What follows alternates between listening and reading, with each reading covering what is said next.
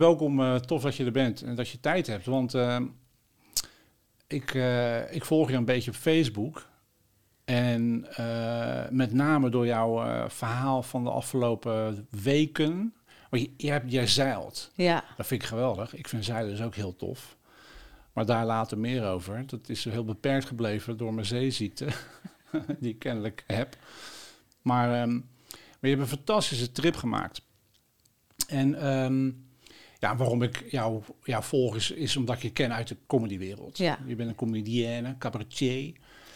En, ehm, en ik ken je al heel lang. Ik weet echt, ik moest even nadenken waar ik je van ken.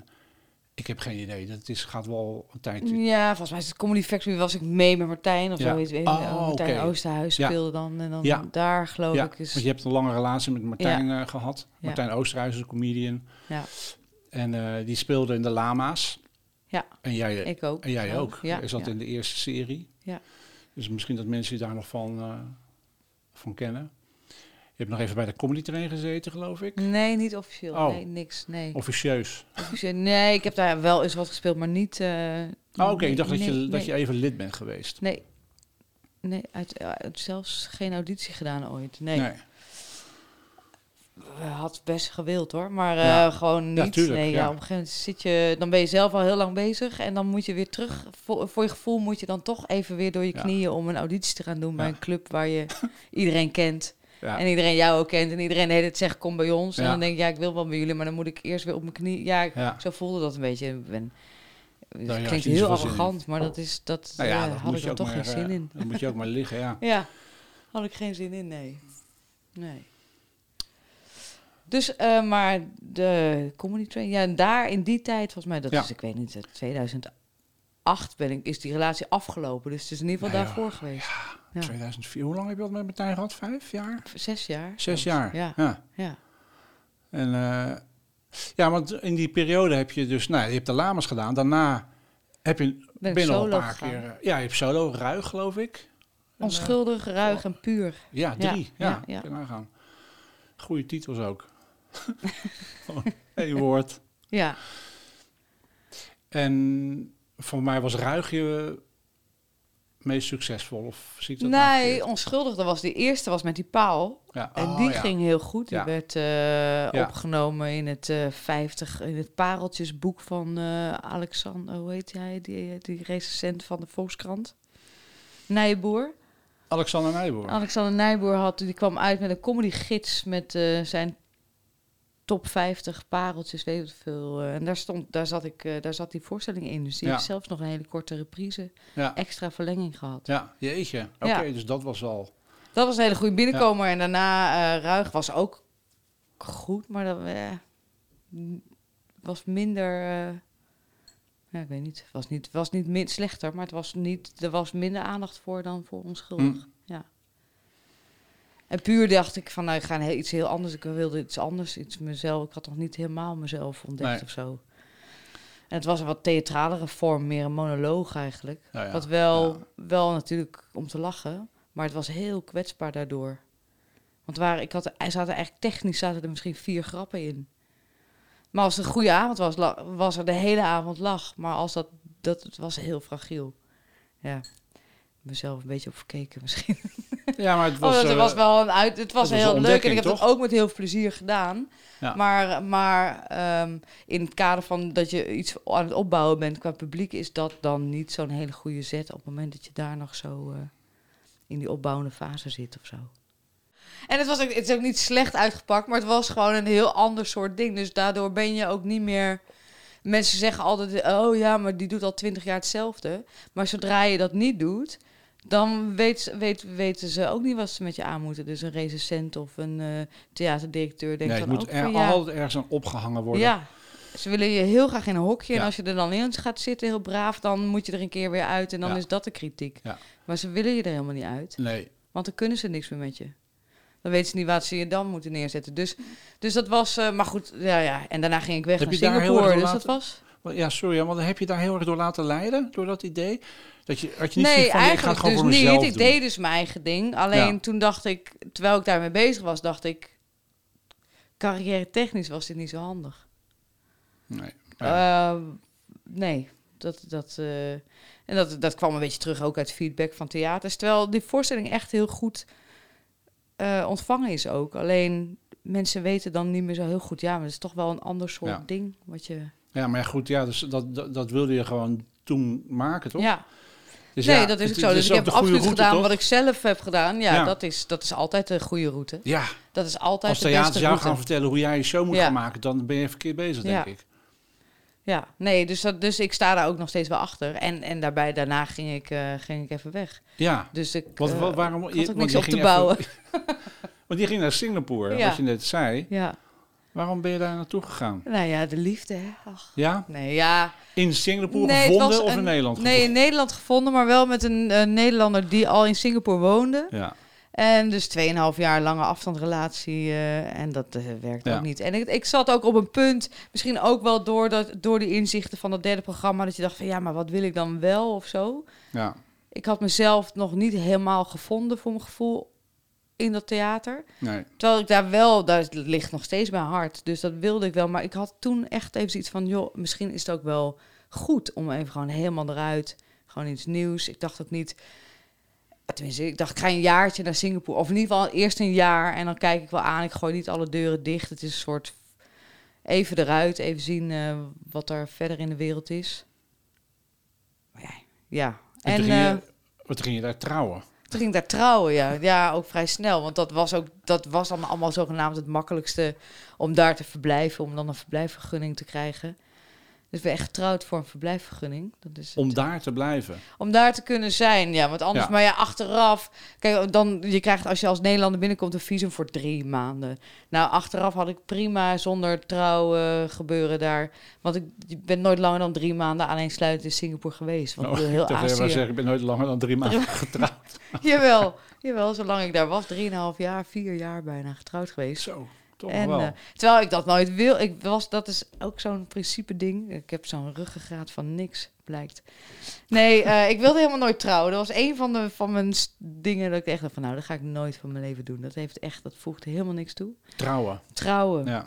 En, we, en dat was gewoon... En, maar ja, ik ging dus naar Singapore toe. En dan, en dan mijn, mijn toenmalige vriend, die zei het... Ja, maar je, het is toch...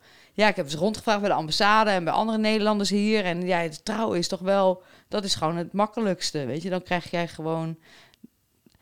Dan heb je gelijk aan mij vast een verblijfsvergunning. En dan uh, kan je ook wat dingen doen. Ja, uiteindelijk mocht je nog niks doen. Maar goed... En, toen, en dan belde die op, zeiden ja, ik heb weer gevraagd en uh, ik sprak weer iemand anders van de ambassade, maar dit komt toch echt op neer, je moet echt trouwen. En dan zei, en dan zei ik, oké, nou ja, vraag nog even verder. en dan stuurde ik hem weer. Maar ja, op een gegeven moment ontkwam ik er niet meer aan. En toen heeft hij mij hier, na een show van mij, uh, nog in Nederland symbolisch, ja, hier in Rotterdam, sorry. Oh, Rotterdam. Uh, ik denk ook gelijk aan jou, omdat het in uh, Walhalla was, heeft hij mij nog ten huwelijk gevraagd. echt waar? Na een voorstelling van mij. Ja. Echt? Ja. Ja. Ja, onder druk van, de, van het publiek nog op zijn knieën. En, Serieus? Ja. ja. Dat was jouw solo? Ja, die een solo voorstelling. Ja. ja. Jeetje, ja, een van mijn laatste. In. Walhalla, Theater Walhalla. Ja, Thea Theater Walhalla, ja. Dus, uh, dus dat, nou ja, en toen en, uh, naar Singapore verhuisd, dat was het. En dat, en, maar wel met het idee ook van, ik wil daar wel weer comedy doen. Dus ik geloof dat ik op donderdag naar Singapore ben gevlogen. Vrijdag kwam je daar dan aan en op dinsdag stond ik op het podium comedy te doen in het Engels. Met weer gewoon zweet onder je oksels en uh, acht minuten materiaal en zes minuten podiumtijd. Dus een soort gevoel van er kan niks misgaan, want ik kan geen kant op. Want het was gewoon weer, een, je, je zegt het zo, omdat het was een beetje zo hetzelfde als in Nederland. Nee, het was heel erg terug naar de basis, heel ja. erg terug naar het begin ja. weer gewoon. Uh, en je, ja, ergens denk je dan ook van, oh ja, ik ga met mijn grote bek, ben ik daar aangekomen, want ik heb allemaal promotors van comedy shows via Facebook benaderd en een beetje lopen zeggen wie ik ben en dat ik uh, daarheen kom en dat ik uh, je dacht dat wil de limo spelen. voor stond toen nee, dat, nee, helemaal niet. Maar pas dan heb je dus, ik, bedoel, ik deed ondertussen 18 jaar comedy of 15 jaar comedy in Nederland. Maar in dat, in dat vliegtuig daar naartoe en, en dacht ik toch wel van ja, maar wacht even, straks is, misschien ben ik helemaal niet grappig. Misschien Daar. ben je in een nieuw land met nieuwe dingen en dan in het Engels. Nou, je bent grappig of je bent niet. Ook Nee, in een het- ander land. Maar ja, maar toch te ging ik wel daar een- wel even aan twijfelen. Dacht wel even shit. je moet een toon vinden daar natuurlijk. Want je had nooit, voordat je getrouwd was, had je daar opgetreden. Nee. Nee, en Engelstalig, wat deden wij nou Engelstalig? Dat is nu best wel veel, dat Nederlanders Ja. hier in Nederland Engelstalig spelen, maar dat was toen ook helemaal niet. Ik geloof dat ik één keer een, een Engelstalig setje ergens, eh, ik weet niet meer waar dat voor was, Ja. maar dat ik heb één keer toen iets Engelstaligs gedaan. Wat, is het, wat is de voertaal in Singapore? Ja, Engels, Singlish, Singlish, dus uh, Singaporees Engels. ja. Dus heel slecht Engels. Eigenlijk, ja, die S staat voor slecht. Heel slecht Engels. ja, er, er zitten wat woorden in, Maleisische invloeden en, Ja. eh, en Chinese Ja. invloeden. En, eh, Wat maar in principe, 70% van de bevolking verstaat gewoon Engels. En dan de echt de oudere mensen, dus hè, de, de taxichauffeurs en zo, die eh, hebben wat moeite vaak met Engels. Dat is heel makkelijk. En hoe werden die, die shows dan, hoe is die scene dan in Singapore? Hoe, hoe- Ja, dat was helemaal jong. Dat was nog helemaal, dus er was eigenlijk alleen maar open mic circuit nog. En, eh, maar wel heel populair aan het worden. Want op het moment dat ik daar kwam, was, was hun tweede jaar. Maar ze hadden elke week een show. En zat gewoon elke week vol. Ze had gewoon 200 man. Zo, ja. En, eh, en dan hadden ze 8 tot 12 eh open micers eigenlijk. En dan sloten ze af meestal met een, een internationale act langskomen. Om- Je zit in Singapore natuurlijk in een hub op weg naar Australië. Ja, ja, op een- ja. dus er kwamen zoveel internationale acts voorbij. Ja. Dus die speelden dan, die sloten af, dat waren de headliners. En de lokale, die speelden daar eh, gewoon hun acht, acht minuutjes of zes. En, en, dat, en, dat, en dat heb ik een jaar aangekeken. En daar stond ik dus tussen. En dat was eigenlijk de voornaamste show. En dan had je nog een club, die boekte alleen maar internationale acts. En die hadden ook een open mic podium voor, eh, voor lokaal talent. Maar er was verder niks voor de lokale talent om naartoe te gaan, om door te groeien. Dus die Hmm. kwamen nooit verder dan acht minuten. Kregen sowieso niet betaald. Eh, natuurlijk, want het was open mic. En, ze dacht, en nou, dat voelde voor mij heel oneerlijk. Dus toen ben ik na een jaar ben ik Comedy Café Singapore begonnen. Met het idee Oh. van, dan hebben zij en dan kunnen ze dus ergens naartoe groeien. Hm. Want er zat genoeg talent tussen die ook prima 20 minuten... ja. Want in Nederland ben je een com- comedycafé ben je echt begonnen, zeg maar. ja, ja, Op een regelmatige basis. ja. En toen eh, je werd een soort debutants. Ja, ja, dus ik heb ook echt het logo van Comedy Café eh, overgenomen ehm, van, van Bob Amsterdam. En En Bob daar- had het toen al. Ja, dat was Bob al. Ja, Bob had natuurlijk... eh, Ja, is, is later heeft het overgenomen, het Comedy Café. ja en volgens mij net voordat ik ging waarschijnlijk. Of zo was dat niet. Ik ben in 2013 weggegaan en volgens mij 2012 of Ja. zo is het Comedy Café naar Bob en Van de Claire gegaan. Pereira-familie. Ja. Dus toen heb ik dat logo en toen kom ik Café Singapore. Dus dat ook geopend. Dus ik was al vier maanden bezig, maar toen dacht ik, oh, voor de op officiële opening haal ik Bob naar Singapore. Ja. En toen heeft Bob eh, daar ook eh, onder, een onderdeel van de show geweest. En toen heb ik daarna met Bob, om, om dat ook te financieren, want ik kon met die twee shows die ik in een weekend boekte niet Bob betalen. Maar toen hebben we nog een tour in, eh, in India erachteraan geplakt. Eh, met z'n tweeën. Dan zijn we naar Delhi, Mumbai, Gurgaon. En, gek. ja, Mooie duo, denk ik Ja. wel. Mooie dubbelshow. ja, was leuk. Bob was... Ik vond Bob echt geweldig. Ja, Ik heb hem vaak geboekt. Voor, voor- ik heb hem zeven keer, denk ik, geboekt op de Comedy Factory. ja, Met Tony Woods, eh, het beest van iedereen. ja, Hij leverde, act. hij leverde altijd. Ja. Ik, vond, ik vond het een geweldige, geweldige comedian. Een fantastische acteur ook trouwens.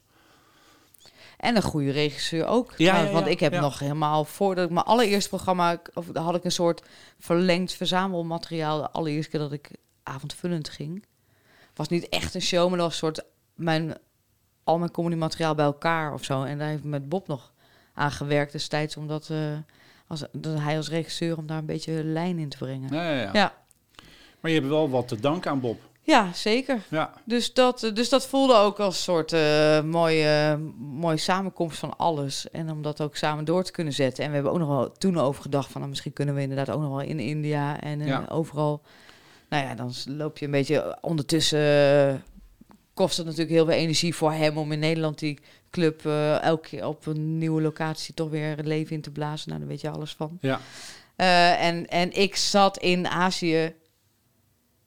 Ik deed één keer in de maand had ik dan eh, een weekend clubs. Dus op twee verschillende locaties. En er kwam op een gegeven moment een derde bij. Dus dan had ik vrijdag, zondag, zaterdag, zondag clubs, shows geloof ik. Of donderdag, vrijdag, zaterdag, weet ik niet meer. En dan had ik lokale comedians en dan haalde ik ook altijd één andere uit Azië. Dus ook wel, dus uit Maleisië of uit de Filipijnen of India eh, erbij als, als special Ja, te gek.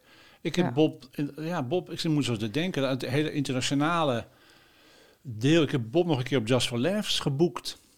Toen Ja. heeft hij daar eh, gespeeld en toen had ik hem daar eh, in, eh, in, in kunnen krijgen. En toen hebben we in New York nog wat, nog wat gedaan, geloof ik. Deed hij dat nou? Om nog een beetje te wennen aan... Aan het publiek. ja.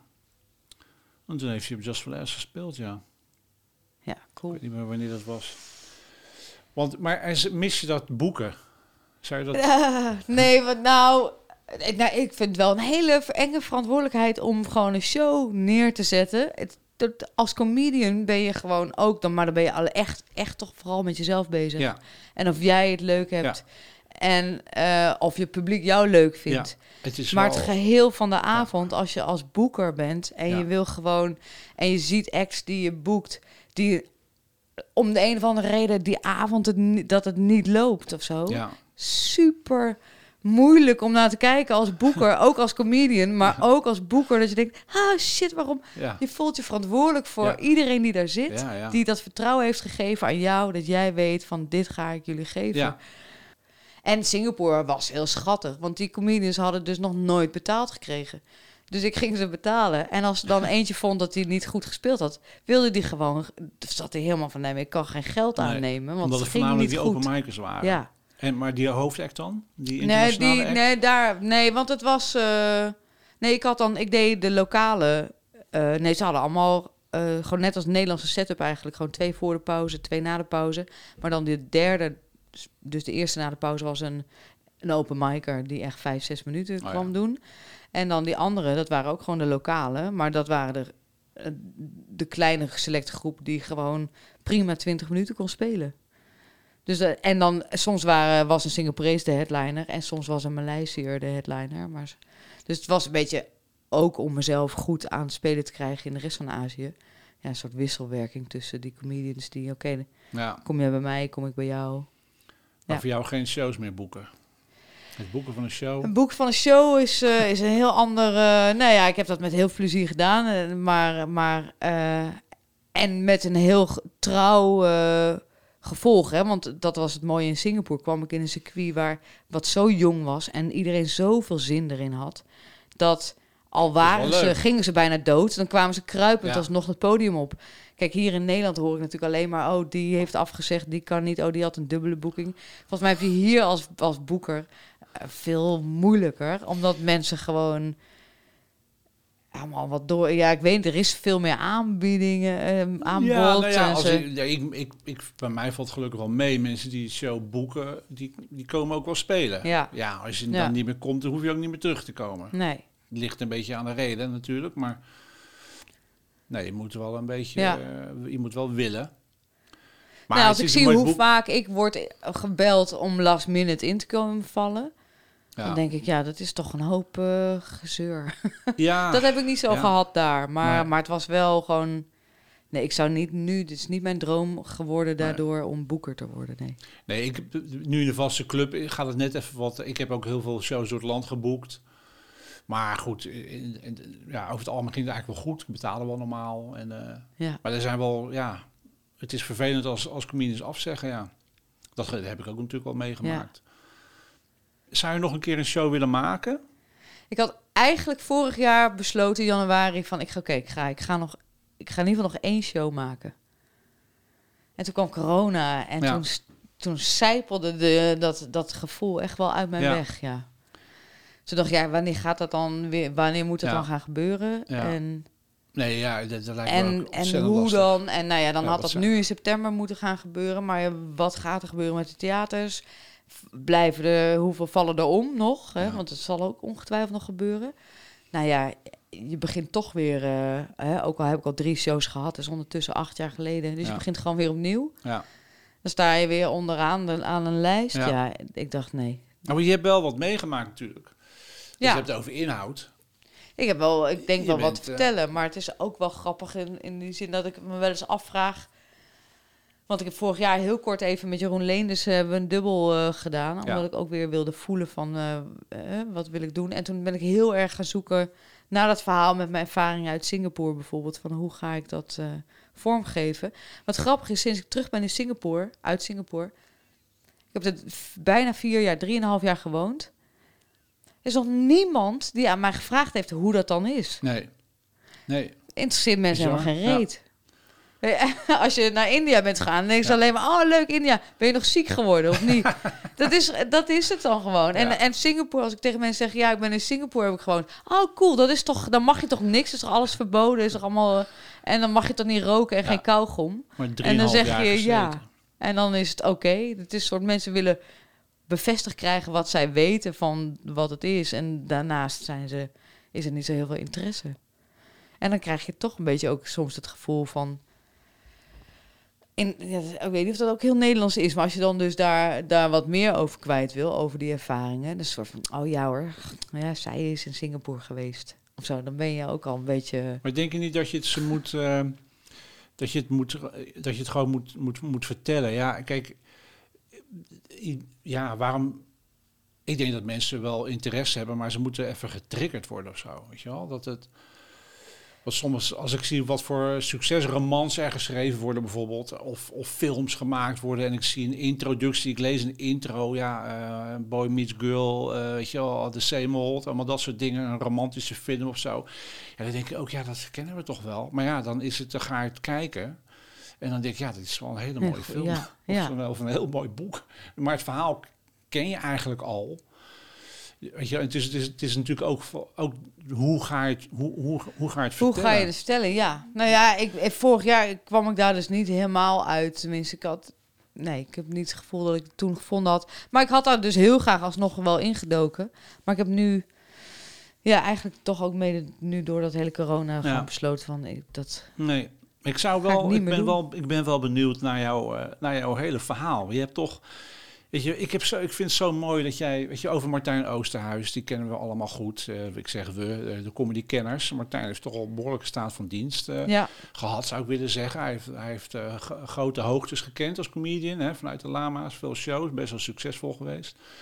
Nu is het even wat minder. Ik denk dat het heus nog wel gaat komen bij Martijn, maar dat daar gelaten. blijft een briljante Hij is gewoon een geest geweldige, Ja. geweldige artiest. Die er gewoon uit het niks ineens weer dingen uitpoept. Dat je denkt, hoe, waar haal je dit nou weer vandaan? Absoluut. Ja, daar heb je heel lang wat eh, relatie mee gehad. Dat is toen uitgegaan. Toen, eh, en toen heeft ze wat met Esther van der Voort eh, gekregen. Ook een comedienne. Wat minder bekend misschien bij het grote publiek. ja. En ja, dat ging toen uit. En toen, toen sprak ik Martijn. En toen zei oh, wat is het uit? Ja, hij heeft nu wat met Christel. dat, vond ik, dat vond ik geweldig. Denk ik, oh, die, wat mooi. Wat een verhaal. En Ja. jullie, jij en Esther hebben best al een tijd. een Drie jaar relatie. ook. Drie eh, jaar. Drie jaar Ja. eh, samen We geweest. zijn met al die kinderen, vier kinderen. Ja. Ik denk, wat, wat fantastisch. Dat dat... eh, wat heb, hoe, is, hoe is dat met... Hoe is, hoe is, heb, heb je altijd... Ben je altijd... Altijd Heb je een vrouw- wel nee, nee, nee, nee, ik heb, ik heb ooit eens een jou keer. getriggerd? Is dat... Nou, dat is, ik weet, ja, nou, het grappige is dat zij, ik had haar één keer gezien samen met Martijn. En ik had, ik was een keer terug uit Singapore, vierde ik mijn verjaardag en toen had ik eh, hun allebei uitgenodigd. En toen kon Martijn niet, toen zei ik, nou, dan komt Esther toch alvast en dan kom jij na je show ook nog of zo. Nou, dat vond Esther allemaal eng. Die had een soort, eh, toch mij al als, als comedian in ieder geval, want zij was net begonnen, een soort van, ja, maar dat is Christel Sweers en dan kan ik toch niet zomaar op haar verjaardag komen, want ik heb haar één keer gezien. Terwijl ik dacht, joh, je hoort toch bij Martijn, dus Ja. ik, ehm, ik had gewoon een goed contact met Martijn ook. En toen Martijn die begon een beetje van, eh, nou, eh, ze vindt jou wel, eh, ze vindt jou wel een mooie vrouw hoor. Als, ze heeft wel eens gezegd, als ze ooit een keer iets met een vrouw zou willen doen, dan is het wel met jou. Toen dacht ik, oké, Oh, rare informatie eigenlijk Dankjewel. op zich om te delen. Maar Vlijend. Ja. Vlijend, ja, leuk. Nee, en ik had natuurlijk ooit wel eens één ervaring gehad met een vrouw. Na mijn relatie met Martijn. Oké. Na mijn relatie met Ja. Martijn direct eigenlijk. Toen had ik, ik had een vriendin en die is gewoon, die is gewoon lesbisch overtuigd. En, eh, maar, en die had wel eens gezegd van nou, eh, als je een keer vrijgesteld bent, dan weet je, als je dan, eh, dan moet je ook voor mij met- even beschikbaar eh, Weet je met te vinden. of zo. Hier is mijn Ja. kaartje. En dan kwam ik naast te wonen. En dat was ook een heel raar verhaal. Want ik kwam daar naast te wonen in Den Haag. Ja. En toen, eh, zij woonde er ook net drie maanden. En zij leefde nog op beton. En ik ging weg bij Martijn. En ik kreeg dat huis. En ik was een soort... dook daarin om, om dat zo snel mogelijk bewoonbaar te maken. Omdat ik natuurlijk uit een relatie kwam. Dan kon ik in ieder geval in mijn eigen huis trekken. Dus ik had daar binnen een week... had ik alles gewoon geverfd, geschilderd... en een vloer erin gelegd. En zij zat nog op het beton zo. En toen zei ik van... nou ja, eh, koop dan een laminaatje. Dan gooi ik dat bij jou er ook even in. Soort, eh, het is een soort pornofilm eigenlijk. Maar dan, dus ik heb daar zo op mijn knieën een heel laminaat bij haar eh, in, in huis gelegd. En aan het eind van die dag Geweldig. moest zij een massage. Ik weet ook niet waarom, hoe dat fout ging. Want ik had op mijn knieën gezeten, ze had helemaal niks gedaan. Dat heeft haar Maar s'avonds moest ze ook nog een massage. En toen ging dat. en toen gebeurde dat. Dus ik had die vrouwervaring wel, maar verder helemaal nooit dat ik dacht van nou, daar ga ik een relatie mee beginnen of zo. Het was leuk om even. Nee, maar door die massage eigenlijk... ja, was, was het het fysieke contact? dat was een fysiek. Nou ja, ik voelde tijdens dat masseren van wel dat zij een soort. En ik wist natuurlijk dat ze alles had gezegd. Dit is nog steeds die andere, hè? Dus Marleen gaat nu niet over Esther van der Voort. Nee, nee. Maar Nee, Ik- maar die, je, je eerste... Mijn eerste vrouwenervaring. Lesbische ervaring, Ja. zeg maar. Nee, dat ja, het? dus ik ging haar masseren en, en, en eh, ehm, ja, ze reageerde daar eh, sensueel op, laat ik zo zeggen. Dus toen dacht ik van oké, eh, met in mijn achterhoofd dat zij mij al, ooit al eens verzocht had om eh, beschikbaar te zijn voor haar een keer, dacht ik van nou ja, Let's go. waarom ook niet. Dus, dus dat liep zo, zodoende enigszins uit de hand.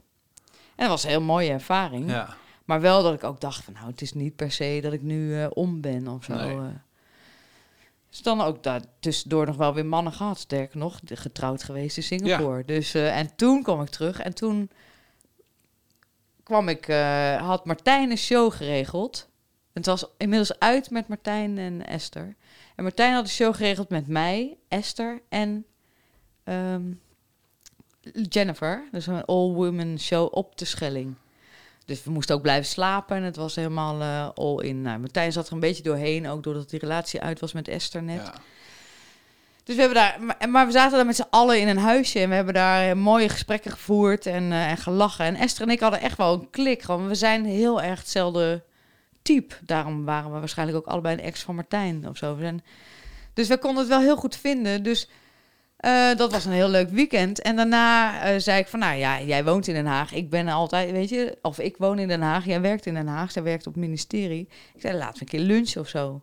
Dus dat gebeurde drie weken later, denk ik.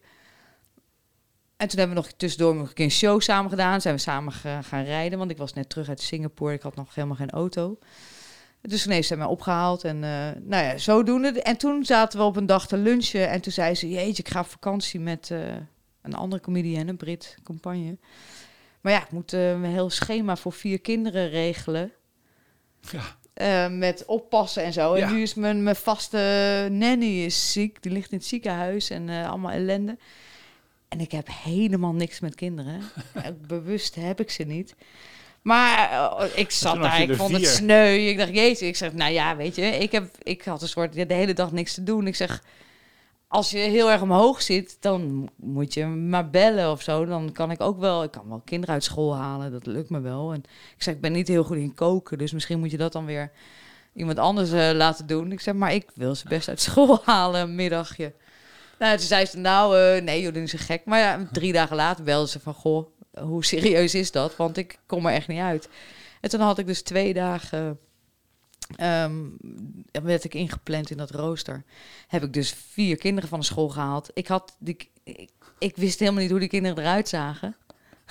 Toen je ze ging ophalen. Toen ik ze ging ophalen. Ik stond gewoon op een schoolplein te, te bidden dat zij wel... Zij hadden waarschijnlijk nog een foto van mij te zien gekregen. Ja. Van Esther, van deze vrouw komt jullie halen. Dus ze kwamen ook naar mij toe. Kwamen ze, hey! En ook blij en Je een beetje raar. vier. Toen dacht ik, dit zullen ze Ja, toch wel zijn. Ja, dit zei ze. En eh, nou ja, ik, heb, ik, nou, ik zei al geen ruggengraat. Dus ik heb, ben door de kinderen volledig eh, uitgewoond, wou ik zeggen. Maar dat klinkt verkeerd, maar wel eh, uitge... Ik, ik heb gefietst met ze en gezwommen en gepicnict. En ge, nou, allemaal in twee uur tijd. En eh, nou, wel indruk gemaakt op de kinderen. Dus toen Esther thuis kwam, waren ze ineens... had ze vier Sweers fans in huis. ja, precies. En eh, dus toen zei ze, nou, dus toen nodigde ze me uit om me daar een keer voor te komen, om, om me daarvoor te bedanken. ja. En eh, met die zin in de achter, of nee, en dat en daar bleef ik. En toen ging ik naar het strand en dan uiteindelijk heel gezellig. En toen gingen we op de bank nog een serietje kijken.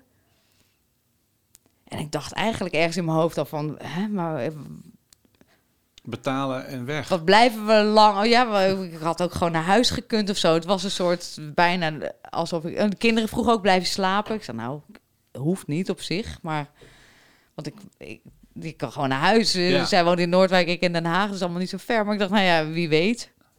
Nou ja, toen zaten we een filmpje te kijken en, en ze kroop een beetje zo tegen me aan. En toen dacht ik, hè, oké. Oh, er zijn hier plannen, dacht ik. Toen zei ik, nou ja, dan ben ik zo. Ik ga niet heel lang dan ongemakkelijk naast elkaar zitten. Dan denk ik gewoon, oké, dan hop vol erin. Want dan, dan heb ik dat ongemakkelijke Ja. in ieder geval gehad. Ja. Ja. Dus, eh dus zodoende. En dat sloeg aan. Dat, eh, ja, en dat was wel echt even, of niet even, daar ben ik wel echt, eh dat was gewoon verliefd. Ja, allebei. Ja, een fantastisch en, mooi stel, man. zij was ook, ik was voor haar ook de eerste vrouw. Ja, hè? Ja. Vertelde ze, ja. Ja, dus dat was, en nee, dat was wel heel ra- raak en, en Ja. ja. Echt hartstikke mooi. ja. Ja, absoluut. En, dus, maar vrouwen zijn wel een blijvertje in principe. Ik, ik sluit ze niet meer uit. Nee, dat snap ik. Ja. Nee, ik vind ook, ik heb een hele mooie, dit was mijn mooiste relatie denk ik ooit. In Ja. die zin van gelijkwaardigheid en, ja. en eh, Waar is het mis op gegaan? balans. Ehm, nou, schappen, we hebben daar laatst nog een keer een gesprek over gehad. Ehm, wij waren samen en dan ben je als twee vrouwen en dan pra- wordt er natuurlijk meer gepraat ge- dan, dan in relaties met mannen en dingen. En dan eh, kijk je ook terug op relaties die je gehad hebt samen. En dan vind je ook een soort gemeenschappelijke valkuilen waar je instapt. En dan ook, en dan ook zo elkaar aankijken van, nou, nu niet, hè? Nee, nu niet. Dit is allemaal zo fijn en eh, Ja. Hè, wij gaan, eh, je hoeft niet voor mij te zorgen. We hadden altijd een beetje van die zorgmannetjes. Hè? Maar zelfs Martijn Oosterhuis. En van die mannen ja, die een beetje zorg nodig hadden. En we, we wilden helemaal niet zorgen. We zijn vier kinderen en ik bewust geen kinderen. Ja. Ik, we wilden allebei niet voor een man ook nog zorgen in ieder Nee. geval.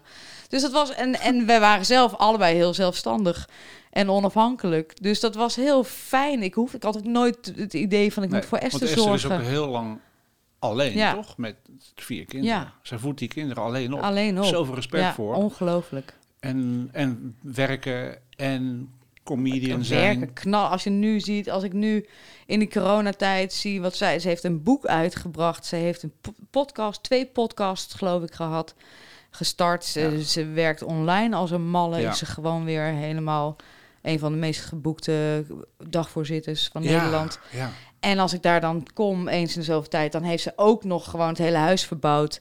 En drie keer al een muur over geschilderd. En, Boordevol eh, energie. en vier kinderen Ja, thuis normaal. onderwijst. Ja, Ja. Veel respect voor Niet haar. te doen. Ja. Maar deze relatie heeft onwijs laten zien dat het gewoon allemaal in mij zit. En zo, weet je, dus de problemen waar ik tegenaan loop, die zijn, die zijn van mij. En die komen wel tot uiting in een relatie. Maar ze komen terug ook bij een vrouw. Dus. En Esther en ik kan me heel klein voelen in een relatie met een man. En, en Esther heeft het ook wel ervaren. Maar laatst hadden we een gesprek en aan het eind van onze relatie... Ik zei tegen haar, ik, voelde me heel klein. En zij zei, ik voelde me ook heel klein. Ze hebben met z'n tweeën heel klein zitten zijn in onze relatie met elkaar. Terwijl niemand dus groter was of overheersender. Mhm. Of... Dus het, het- ja, en daar is het denk ik, eh, ja, daar is het deels misgegaan. En dat we gewoon, ja, tot twee to- totaal andere levens hebben. En hoe uitte dat kleine voelen dan? Ja, nou ja, in, je wordt onzeker. Ik word dan onzeker. Ja, op een gegeven moment. Waar, waar dat dan door getriggerd wordt, weet ik niet. Maar dan denk ik, oh jee, houdt ze nog wel van mij? Of ziet ze me nog wel staan? Misschien in een periode waarin zij heel druk is eh, met zowel werk als kinderen. Weet Ja. je, dan sta je ook niet altijd op eh, de eerste plaats... of op de tweede of op de derde of Nee. de vierde. En dat is allemaal logisch en, en helemaal goed. Nee. Maar dan zit er zit wel iets... Je hebt wel ergens dat je af en toe nog een soort erkend wil worden of zo. Van, Ja. Oh, Welke plaats heb ik dan wel? Ben ik dan je wel... lijkt een, eh, je, je, je oogt voor mij althans dus als een, sterke vrouw, fysiek ook. Wat Ja. je allemaal heeft verteld. Even eh, huisje verbouwen, Ja. laminaatje leggen, even dit en dat, weet je wel. Ja, Je- eh, en mentaal volgens mij, je, ja, je pakt wel aan. Je, laat, je, je- neemt wel snel besluiten van nou dat werkt dus niet. Ik moet gewoon dat eens eventjes gaan doen. Ga ik even naar het buitenland, even zus, Ja. even zo. nee, absoluut. Ik heb, ik heb geen moeite met keuzes maken. Ik kan doorzetten. En ik denk, ik, ik zie mezelf ook wel als sterke vrouw. Maar ik kan ook wel echt een, eh, eh, een heel klein meisje zijn. Ja, Van binnen. ja. Ja. Ja, onzeker. En dan, en dan bevestiging nodig hebben. En dan dat niet altijd op, dat, op het juiste moment krijgen. Wat helemaal prima is, want het, uiteindelijk moet je dat gewoon uit jezelf kunnen halen. Maar ja, dat lukte dan niet. En daardoor dus klein en onzeker. En eh, dan ga je dingen invullen nou, waar, waar vrouwen heel goed in zijn. En dat heb je dan keer twee. in, in zo'n relatie. Dus ik denk dat je Ja. uiteindelijk steeds verder van elkaar afkomt. Omdat je allebei, allebei twee kanten op van alles Ja. invult voor elkaar. ja. Wat allemaal niet klopt. Nee. Denk je dat het nog een keertje... Dat jullie elkaar nog een keer gaan opzoeken? Ik en Esther. F- nou, sluit ik ook niet uit. Mooi, nou, wie gaan, we gaan zien. Nou, Esther, dan weet je dat. Dus eh, nee. nee, maar nee, ja, het, was, dus, het is een hele bijzondere vrouw. Ja. En, eh, en ja, Zou mooi zijn, nou ja, of niet. of niet. Nou ja, onze zijn zo, weet je, dan, dat is wel zo. Ik heb allemaal, ik heb toch wel plannen met zeilen ook en, Ja. en de wereld in. Ja, Ja, en zij heeft gewoon vier kinderen. Ja. Dus eh, zij wil ook wel de wereld in. Maar eh, ja, wordt wat voorlopig lastig, eh, ja. wordt dat lastig. Hey, want het zeilen, dat, ik wou zeggen, dat heeft je ook gegrepen. Maar hoe lang, hoe lang zeil je? je? Jij zeilt al je heel je leven, denk ik, of niet? Nee, in mijn jeugd hebben we, gingen wij, maar we zeilden we, zeilden we in mijn herinnering elke zomer in Friesland. Ja. En dan heb je het over bij, toen je bij je ouders Ja, woonde. nog met mijn ouders. Ja. Nou, en volgens mijn ouders is het, hebben, zijn we maar drie keer... Nee, ik kom uit Ja. Gelderland. Oh. En volgens mijn ouders zijn we maar drie keer wezen zeilen. maar in mijn herinnering was Elk het... weekend. Elk, nee, dat niet, maar wel elke zomer. Ja. Elke zomer gingen we zeilen. En ik vond Ja. dat fantastisch, maar er zat ook een frustratie. Ik, was, ik heb twee broers en eh, eentje is ouder. En die, ja, wij, toen wij gingen zeilen was ik misschien zes of zeven. Maar ik, was, ik ben zo'n doorpakkend meisje, ook toen ik zes en zeven was. Dus ik wilde gewoon eh, aanleggen en met Ja, lijnen gooien en van doen. de boot afspringen De op de zijn. kade en Ja. alles. Maar dat, mijn vader liet mij dat niet doen. Dat was Nee. allemaal, mijn broer mocht dat dan nog wel net. Ja, en ik mocht ja. best wel een keer het roer vasthouden. Maar verder helemaal niet. Dus dat zat ook een frustratie van mij. Had je an- andere broer dat ook, die dus jonger was? Nee, want die was nog te jongen. Die was echt... Oké. Die was toen de eerste keer en nog niet eens geboren zelfs. Dus Oké. eh, nee, en die had het niet. En tegen die tijd dat hij iets ouder was... Dus het was niet dat de mannen mogen hier alles en de, ik als vrouw moet Nee, in mijn weer- ervaring wel. Ja. In mijn ervaring was het, eh, de mannen mogen alles. Ja. De kleinste, die werd gewoon verwend. Dus die hoefde niks. En die mocht alles, maar die hoefde niks. En die oudste, die, eh, die eh, mocht van alles. Ja. En ik moest gewoon oppassen, uitkijken, niet vallen. En, Moest je ook het eten regelen? nee, dat nog net niet. Nee. Maar dat is wel, dat ergens heeft dat zich wel in mij ook in mij geworsteld. Dus, eh, dus er, zit, er, zit misschien ook een soort be- eh, bewijsdrang in. Ja, zo van ooit ga ik het zelf Ja. doen. Ja. En toen heb ik dat heel lang heb ik niet gezeild. eh, en toen kwam ik dus eigenlijk door mijn ex-man. was ook een, een zeilliefhebber.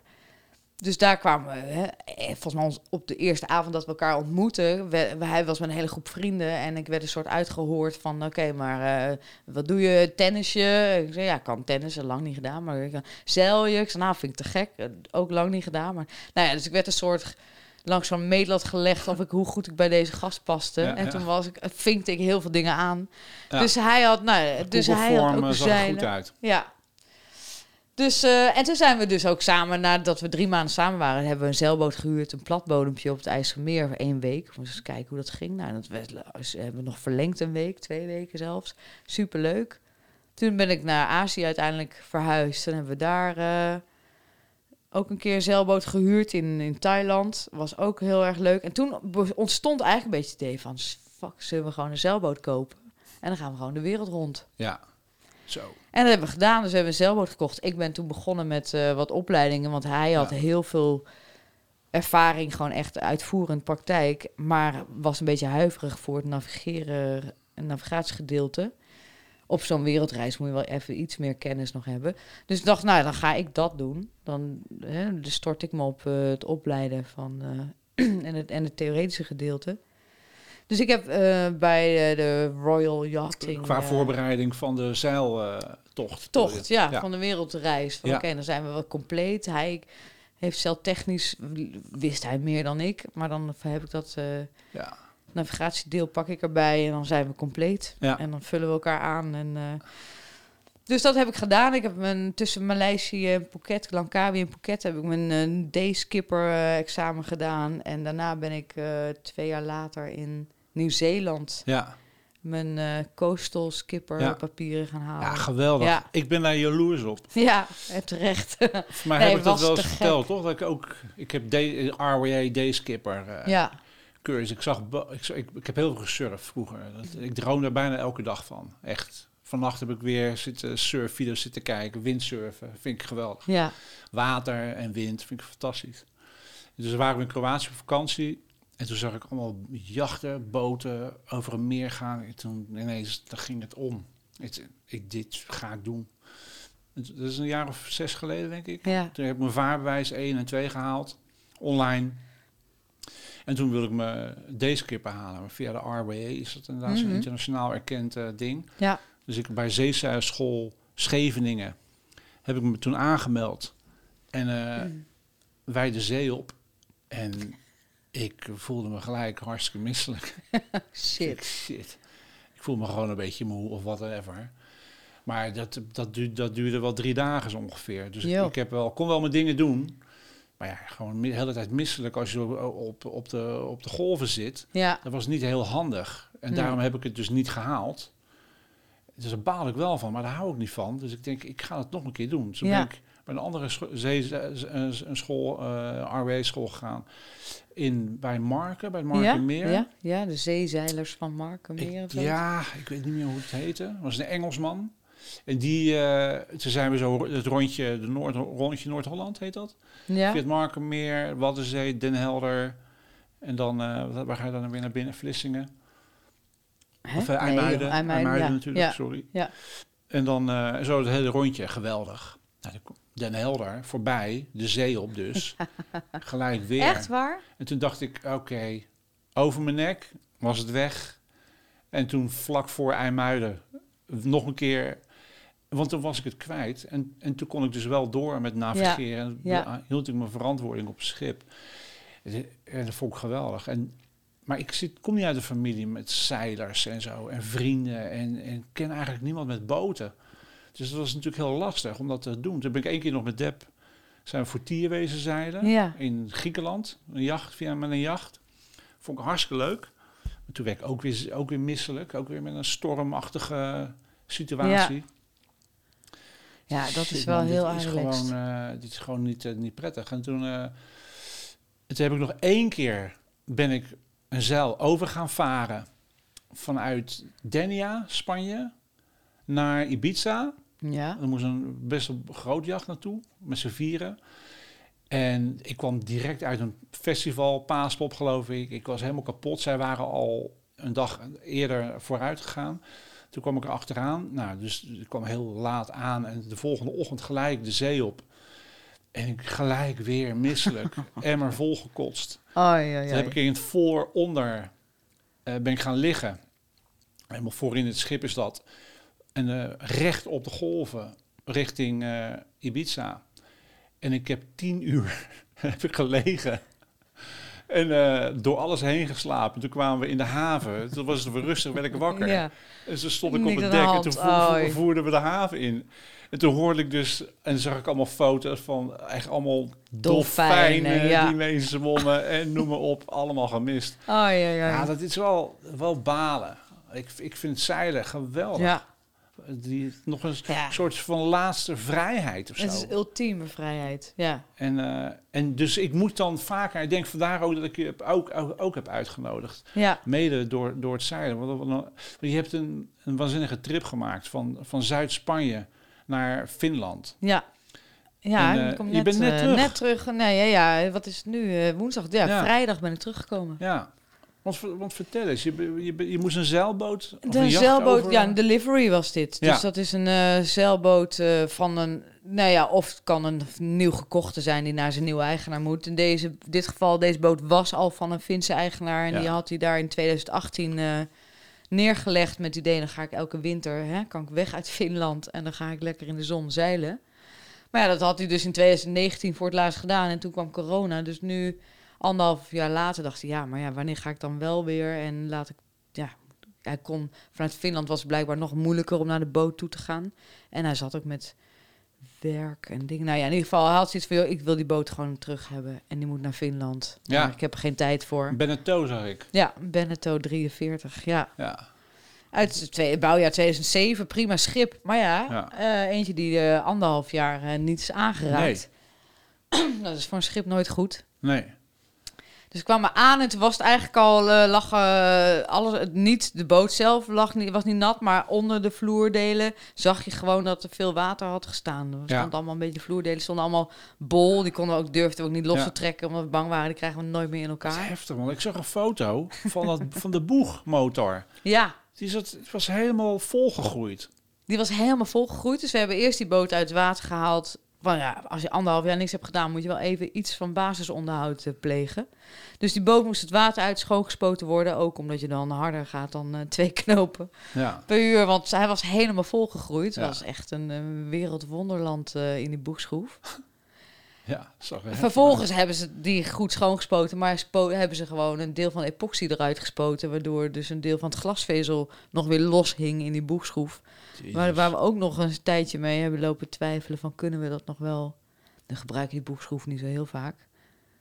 Maar Nee, eh, Voor het aanmeren. voor het aanmeren en Ja. afmeren en, en op zo'n delivery ga je niet elke haven binnen, alleen maar als het moet. Dus op zich kan je ook prima zonder hoor. Ik vind het altijd een, eh, of nee, niet altijd. Het is niet altijd een zwakte bot, een boegschroef, maar het is, eh, Handig, luxe. het is luxe. Ehm, maar goed, dus, eh, dus die boot schoongespoten. En ehm, een servicebeurtje voor de motor en dat soort dingen. En, en leeggepompt. En de automatische beelspomp deed het niet. Dus we hebben wat reparaties gedaan. En uiteindelijk toch maar vertrokken met het idee. Want ja, waar dat water dan precies vandaan kwam, wisten we ook niet. Zo, oké. Maar wij dachten van een afsluiten, want alles stond open op die boot toen wij aankwamen. Nou, is anderhalf jaar alle afsluiters open, weet je. Er is misschien daar iets misgegaan. Dus die doen we gewoon allemaal dicht op zee. En dan eh, komt het wel goed. Kwam dat ook goed? Nee. nou ja, het bleef, bleef een beetje water inlopen de hele tijd. Maar niet eh, angst aan jagen. Dus, Nee. eh, en maar die beelspomp deed het niet. Dus wel, die onderdelen die, daarvoor die hadden we naar Bayona, dus eh, in Noord-Spanje laten sturen. Zo van, nou, nee, dan zijn, tegen over vier, vijf dagen zijn we daar. Dan fixen we daar dan het apparaat en dan kunnen we de golf van Biscay over. En we gingen super snel, hadden wind mee in de, in de, op Gibraltar. Gingen we gewoon met 10, 11 knopen onder zeil eh, als een speer. Ja, Ja, Doorheen. hard. Ja. echt hard. ja. Nu expres bij daglicht, want ik had in november heb ik ook een boot teruggebracht vanuit Malta naar België.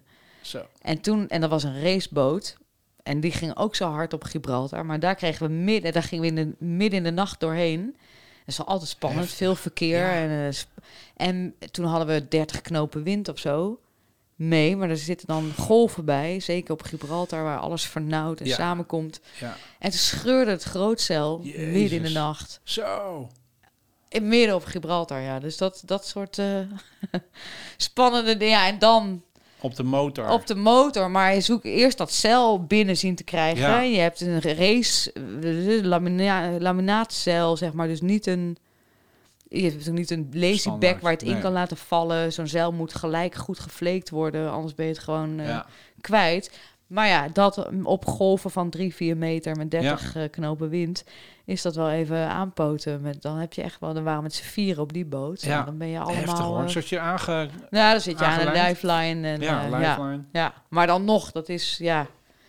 Jij was de enige vrouw op die boot, toch? Ja. Of niet? Ja. Twee mannen en, en, en ik. Ja. Zo, Eh, en toen, want, maar vert- vertel nog eens, weet je, je bent, je bent, je zijn dus in Noord-Spanje terecht, nou, maar dat was met die boot, die raceboot was dat. Ja, ja, nee, ja, nee, deze boot hadden we dus. Dus we zijn eh, gaan varen. Alle afsluiters dicht, dachten we. Eh straat van Gibraltar door, waar wind mee. Dus dat ging ook allemaal prima. Ook wijn liep eigenlijk niet zoveel vol. Maar toen kwamen we de hoek om bij, eh, bij Spanje of Portugal naar boven. En de wind draaide noordoost. Dus die hadden we tegen. Nou, dan ga je al iets meer eh, lopen te stampen, Ja, noem je dat dan? op zo'n boot. Ja. Ja. Ehm, en toen kwam er ook wel weer wat meer water binnen. Maar goed, we waren op weg naar Bayona, dus waar we onderdelen zouden hebben voor die pomp in ieder geval. Noord-Spanje. En we hadden gewoon de afspraak, om de drie uur wissel je van shift. Dus je draait eigenlijk, je hele dag bestaat uit drie uur dienst en dan zes uur af. Drie uur op, zes uur af. Ehm, en elke, na elke drie uur dan doe je het logboek, vul je in de positie, locatie, winst, eh, alles, alle omstandigheden. Ja. En ook, eh, en doe je even, pomp je alle beeldjes leeg. Zo van, nou, als we dat allemaal elke drie uur doen, dan komen we, dan komt het goed. Weet je, het is allemaal Ja. te hanteren. Eh, en toen, en, en in Bayona hebben we wel die boot. Oké, we gaan toch kijken waar dat water dan vandaan komt. Nou, vonden we uiteindelijk nog een afsluiter op een super onlogische plek. Die open stond. Dus we dachten, nou, hè, dat was hem. Verder ook niks te vinden. Natuurlijk, je loopt alles langs Ja. en gewoon niet. Dus we dachten, nou, dat was hem. Nou, beeldspomp gemaakt, deed het alsnog niet. Maar En beeldspomp misschien even Dat dat, dat is een een- soort een- handpomp, toch? nee, ja, je hebt een handpomp op een boot zitten, maar je hebt ook een automatische pomp. Oh ja, die gaat Dus die gaat gewoon een vanzelf aan als het een, ja, precies, Ja. als een bepaald waterlevel Ja. eh, komt, dan slaat hij aan en dan Precies. pompt hij alles leeg. eruit. Die deed het dus niet. Nee. Dus, eh, en die hebben we toen geprobeerd te maken en toen deed hij het nog niet. En dat was heel grappig, want er zaten twee pompen zo onder in de beeld naast elkaar. En waarvan dus de een de automatische en de ander de handpomp. En op de een zat elektriciteit aangesloten, maar dat ging het hoekje om en daar zag je gewoon dat het los, er was de connectie los. Dus ik zei al tegen die kapitein, ehm, ik ben daar...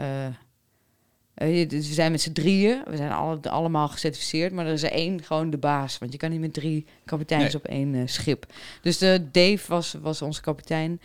En ik zei tegen hem, ik zeg, goh, maar volgens mij moeten we dit gewoon even weer connecten. Hè, ziet allemaal, dan doet hij, nee, nee, nee, dat was de handpomp. Ik zeg, maar wat doet het dan? Een elektriciteit? Waarom zit er elektriciteit op een handpomp? Ja, Lijkt mij vrij. Ja, maar dat is toch echt de handpomp. En die draait had in een. Ja, nee, dat, dat, dat, weet ik ook niet. Dat hoort zo, dat zit zo. En Ja. dat, maar dat zit goed. eh, niks aan gedaan. En dan. En ik nog een keer, ik zei, ja, maar het is toch heel onlogisch dat er elektriciteit aangesloten zit op een handpomp. Ja, nee, maar dat was toch echt zo.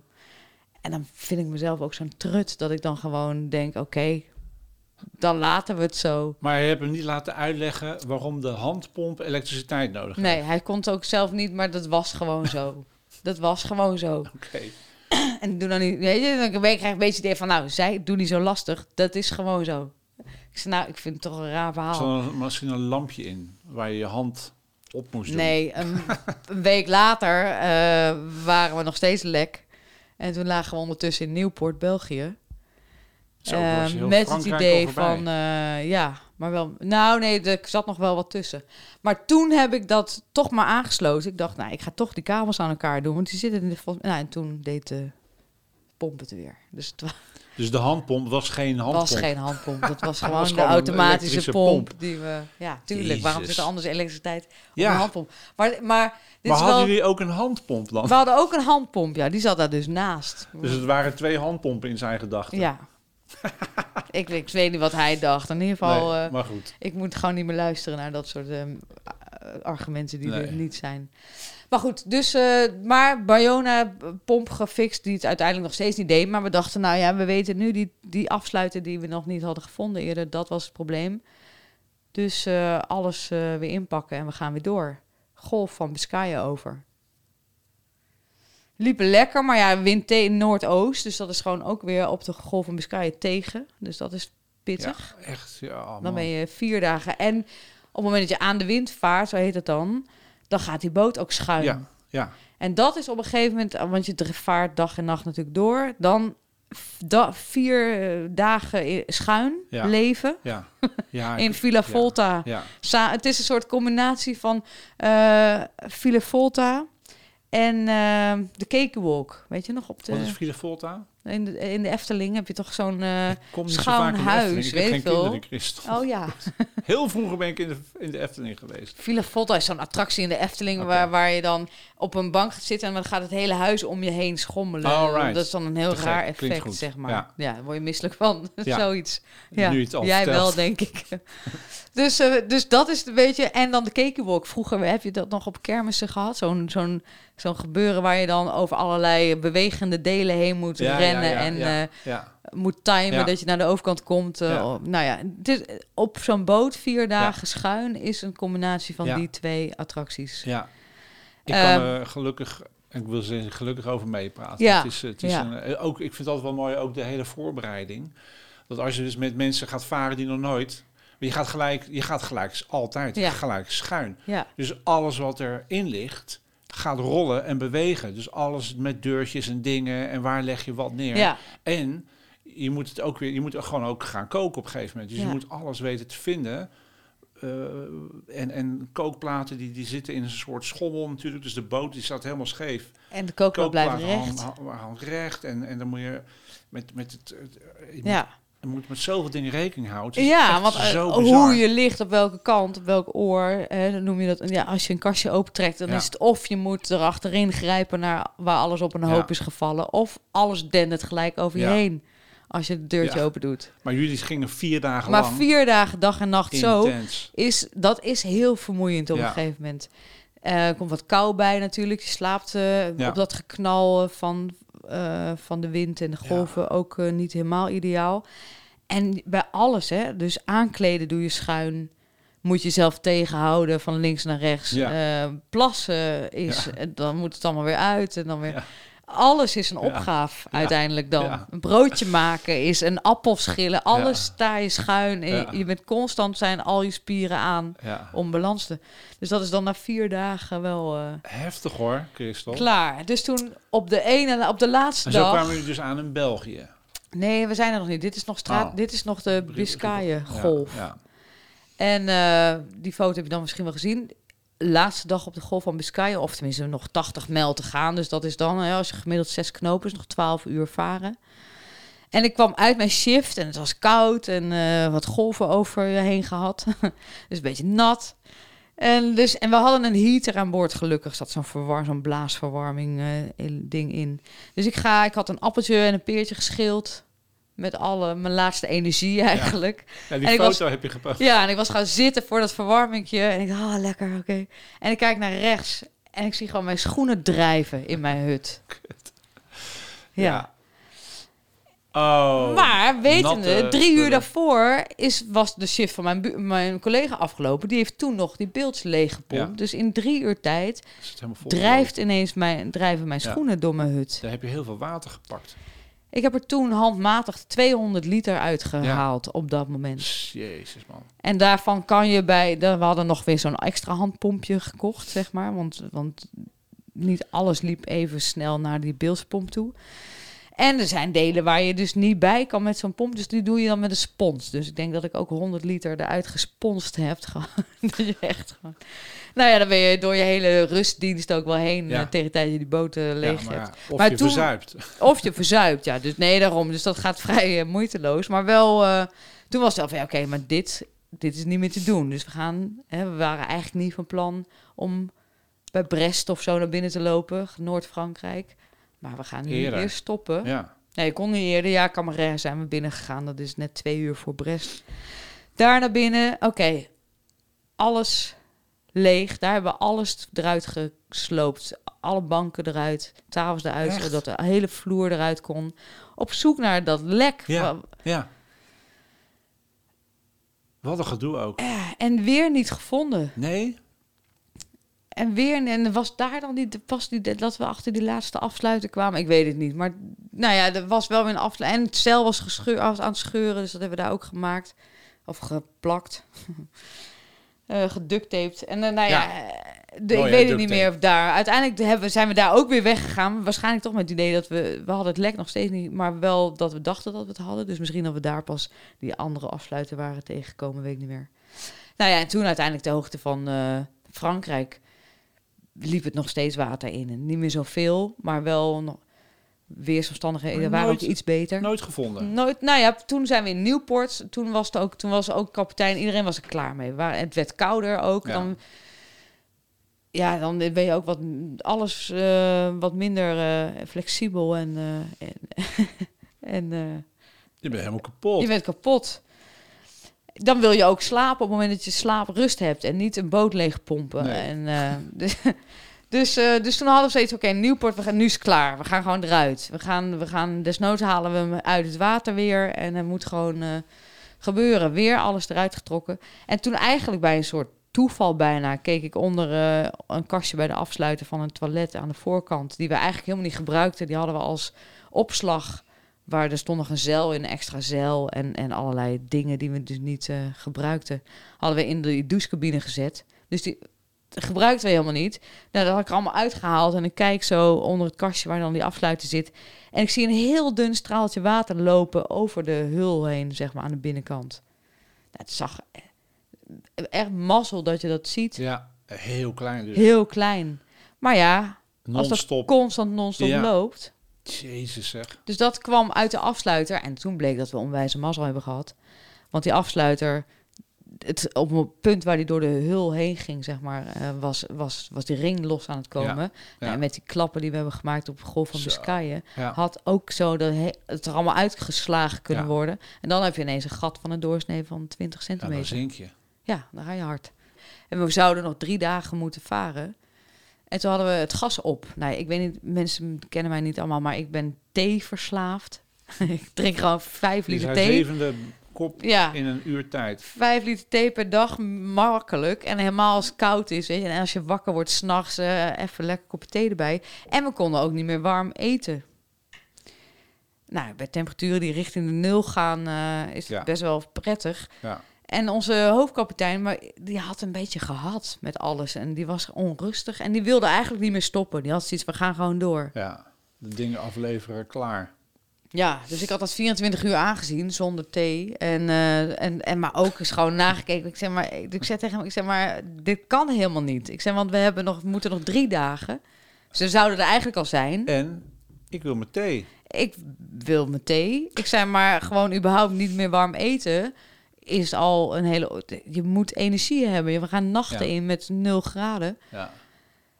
En alles wat we hebben, wat we zouden gaan koken, kan je dus nu niet bereiden. Dus wat het enige wat nog eetbaar is, is brood en een paar wraps die we Ja, hebben liggen. Dan ga je niet drie eten. dagen met drie mannen. Ja, we hebben nog een half brood. eh, spul hebben. Ja.